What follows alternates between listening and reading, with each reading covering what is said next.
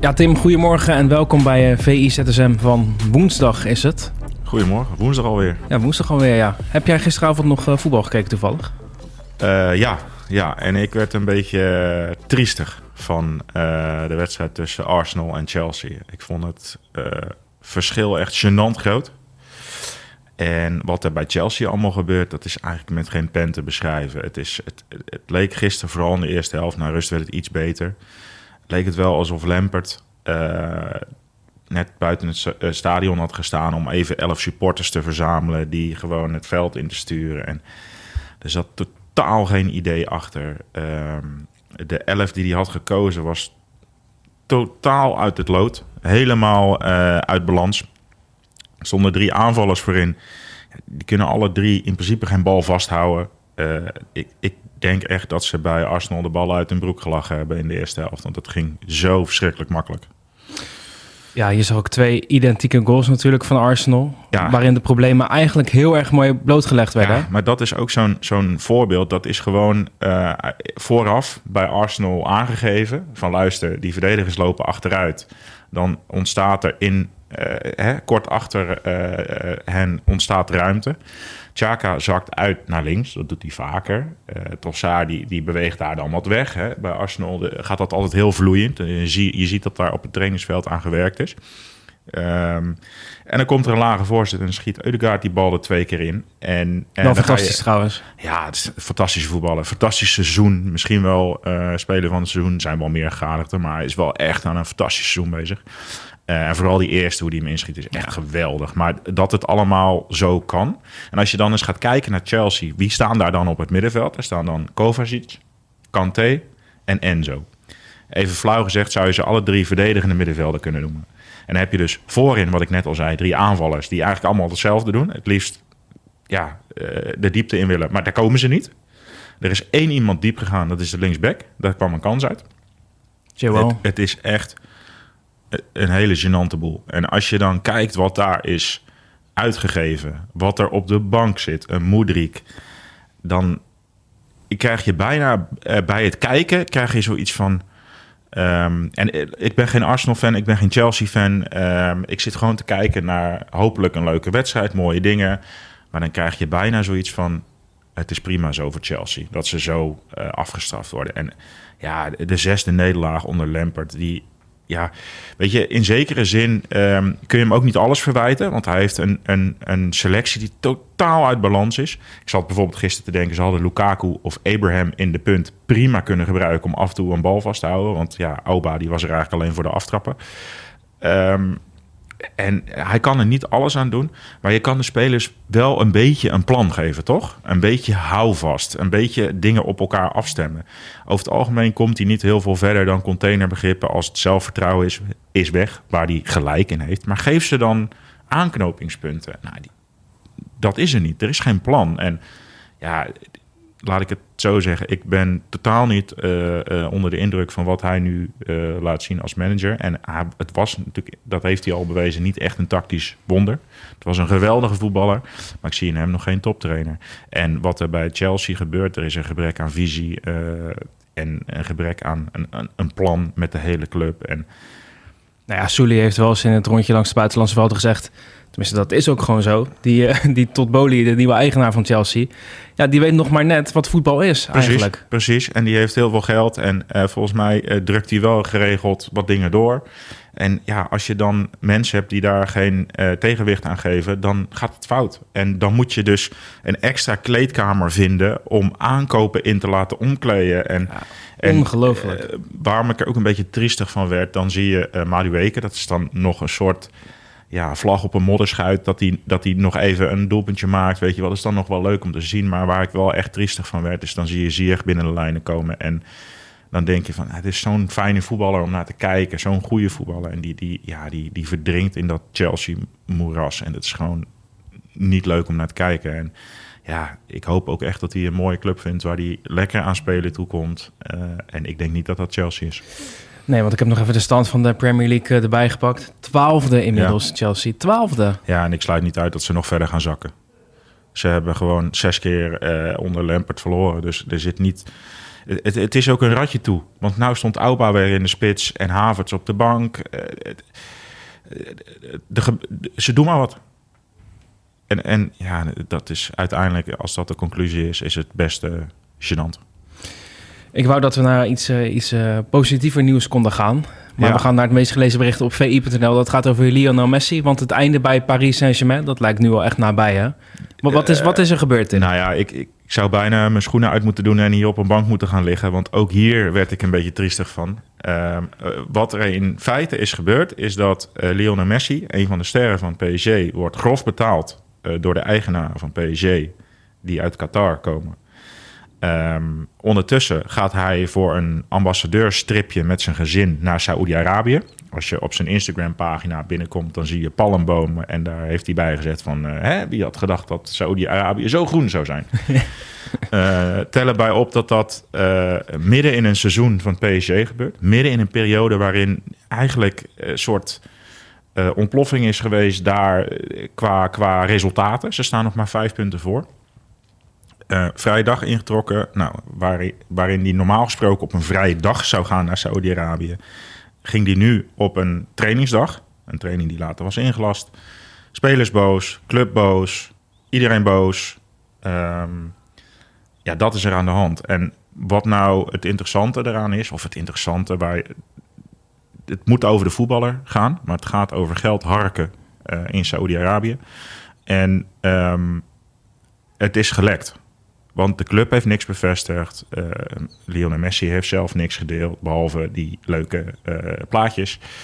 Ehm, dus ja, dat is ook wat de Franse media schrijven. Dit is gewoon de voorbode van een vertrek.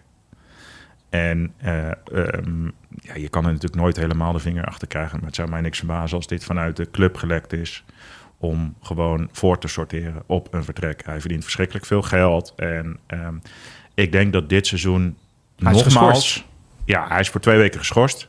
Eh, dan mist hij eh Ajaccio en Troyes, volgens mij uit mijn hoofd. Nou, dat moeten ze wel kunnen winnen.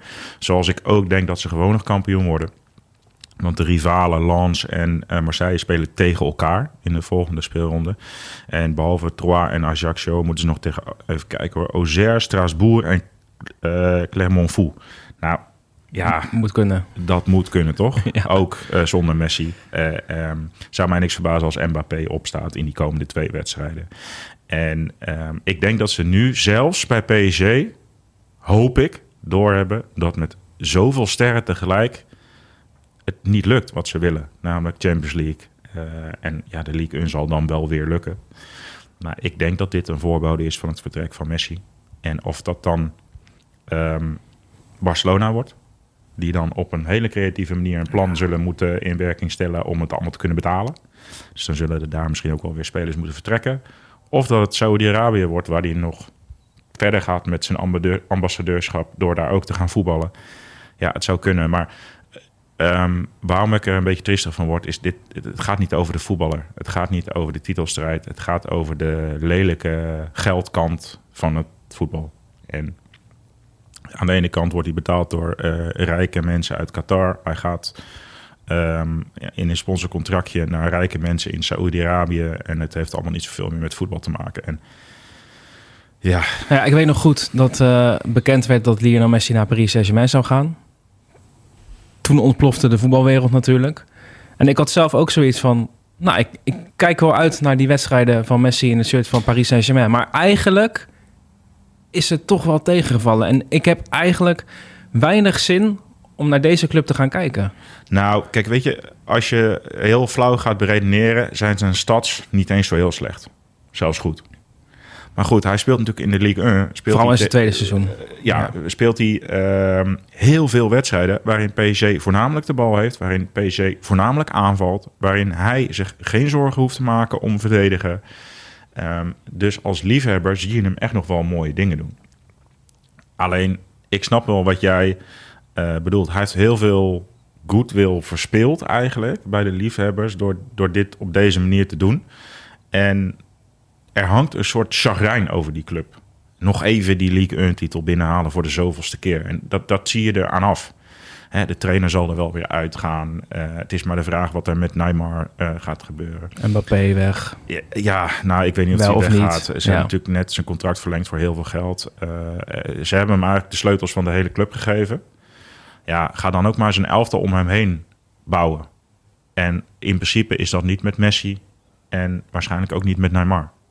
Dan moet je, net zoals bij Frankrijk, het elftal afstemmen op Mbappé. Maar doe dat dan en gok niet weer op allerlei sterren. Denk je niet dat hij spijt heeft gekregen van zijn beslissing om zijn contract te verlengen? Ja, het gaat daar maar om één ding, dat is de Champions League. Ja, En de rest hebben ze al honderd keer uh, gewonnen. Dus um, ja, die spijt zal hij misschien al eerder hebben gehad toen het niet lukte in de Champions League. Maar um, ik denk wel dat als ze, als ze echt gericht met beleid en visie gaan bouwen aan een elftal uh, met een daarbij passende trainer, afgestemd op Mbappé, denk ik dat ze meer kans gaan maken om de Champions League te winnen dan uh, zoals ze het de afgelopen jaren hebben gedaan door de ene naar de andere ster binnen te halen. Zullen wij uh, naar een ander onderwerp gaan? Het meest gelezen bericht op VI Pro. Dat is een Ja. stuk van uh, Martijn Krabbedam. Gaat natuurlijk over Feyenoord. Um, er is beweging rondom Seruki. Ja, er is een opening, zoals Martijn het omschreef. De clubs zijn weer on speaking terms. Wat natuurlijk ook niet zo heel gek is. Uh, omdat hè, wat Twente wilde, namelijk bovenin mee blijven doen, is niet helemaal gelukt.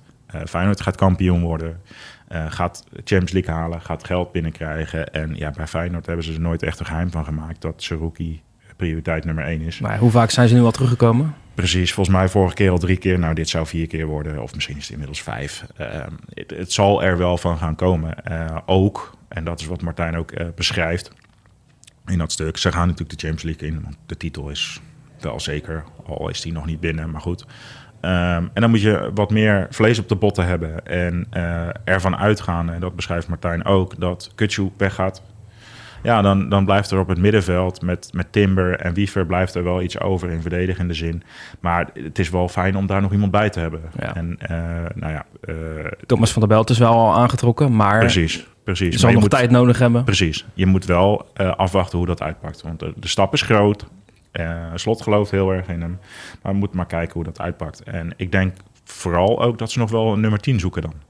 Chimanski moet natuurlijk een kleine, volgens mij is het ruim 9 of kleine 10 miljoen uh, kosten. Willen ze die, uh, um, die clausule in werking stellen? Vind je dat te veel?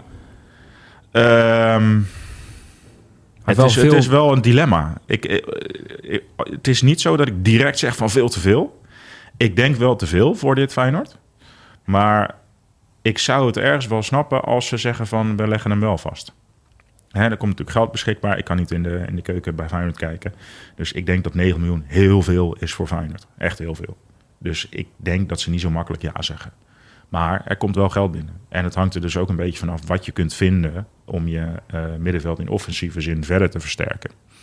Dus ehm, Nou ja, hij heeft heel veel waarde dit seizoen. Zijn rendement is redelijk hoog. ja, Van Quinten Timber hebben ze ook 8 miljoen betaald. Simanski is ook nog jong, international. Ja, ja hij is jonger dan veel mensen denken. En, ehm, wat ik vooral vind, is dat Timber heeft, is niet echt een nummer 10. Dus hij is echt nu, als je kijkt naar voor ons seizoen... is hij wel echt de enige optie die daar een beetje uit voeten kan. Of ze moeten dus de transfermarkt op.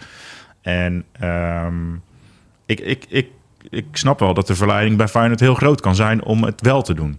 Eh, maar goed, nogmaals, dat hangt er ook een beetje vanaf wie ze op het oog hebben. Eh, ja, ze hebben volgens mij ooit Ursnes, dat is geen tien hoor, maar ik bedoel te zeggen, die hebben ze volgens mij voor een half miljoen naar Rotterdam gehaald. Ja. ja als je weer zo'n eh, lot uit de loterij kunt vinden voor de nummer 10 positie, hè, met het scoutingsnetwerk en noem het allemaal maar op, ja, dan zou dat beter zijn waarschijnlijk, omdat 9 miljoen voor dit Feyenoord toch heel veel geld is.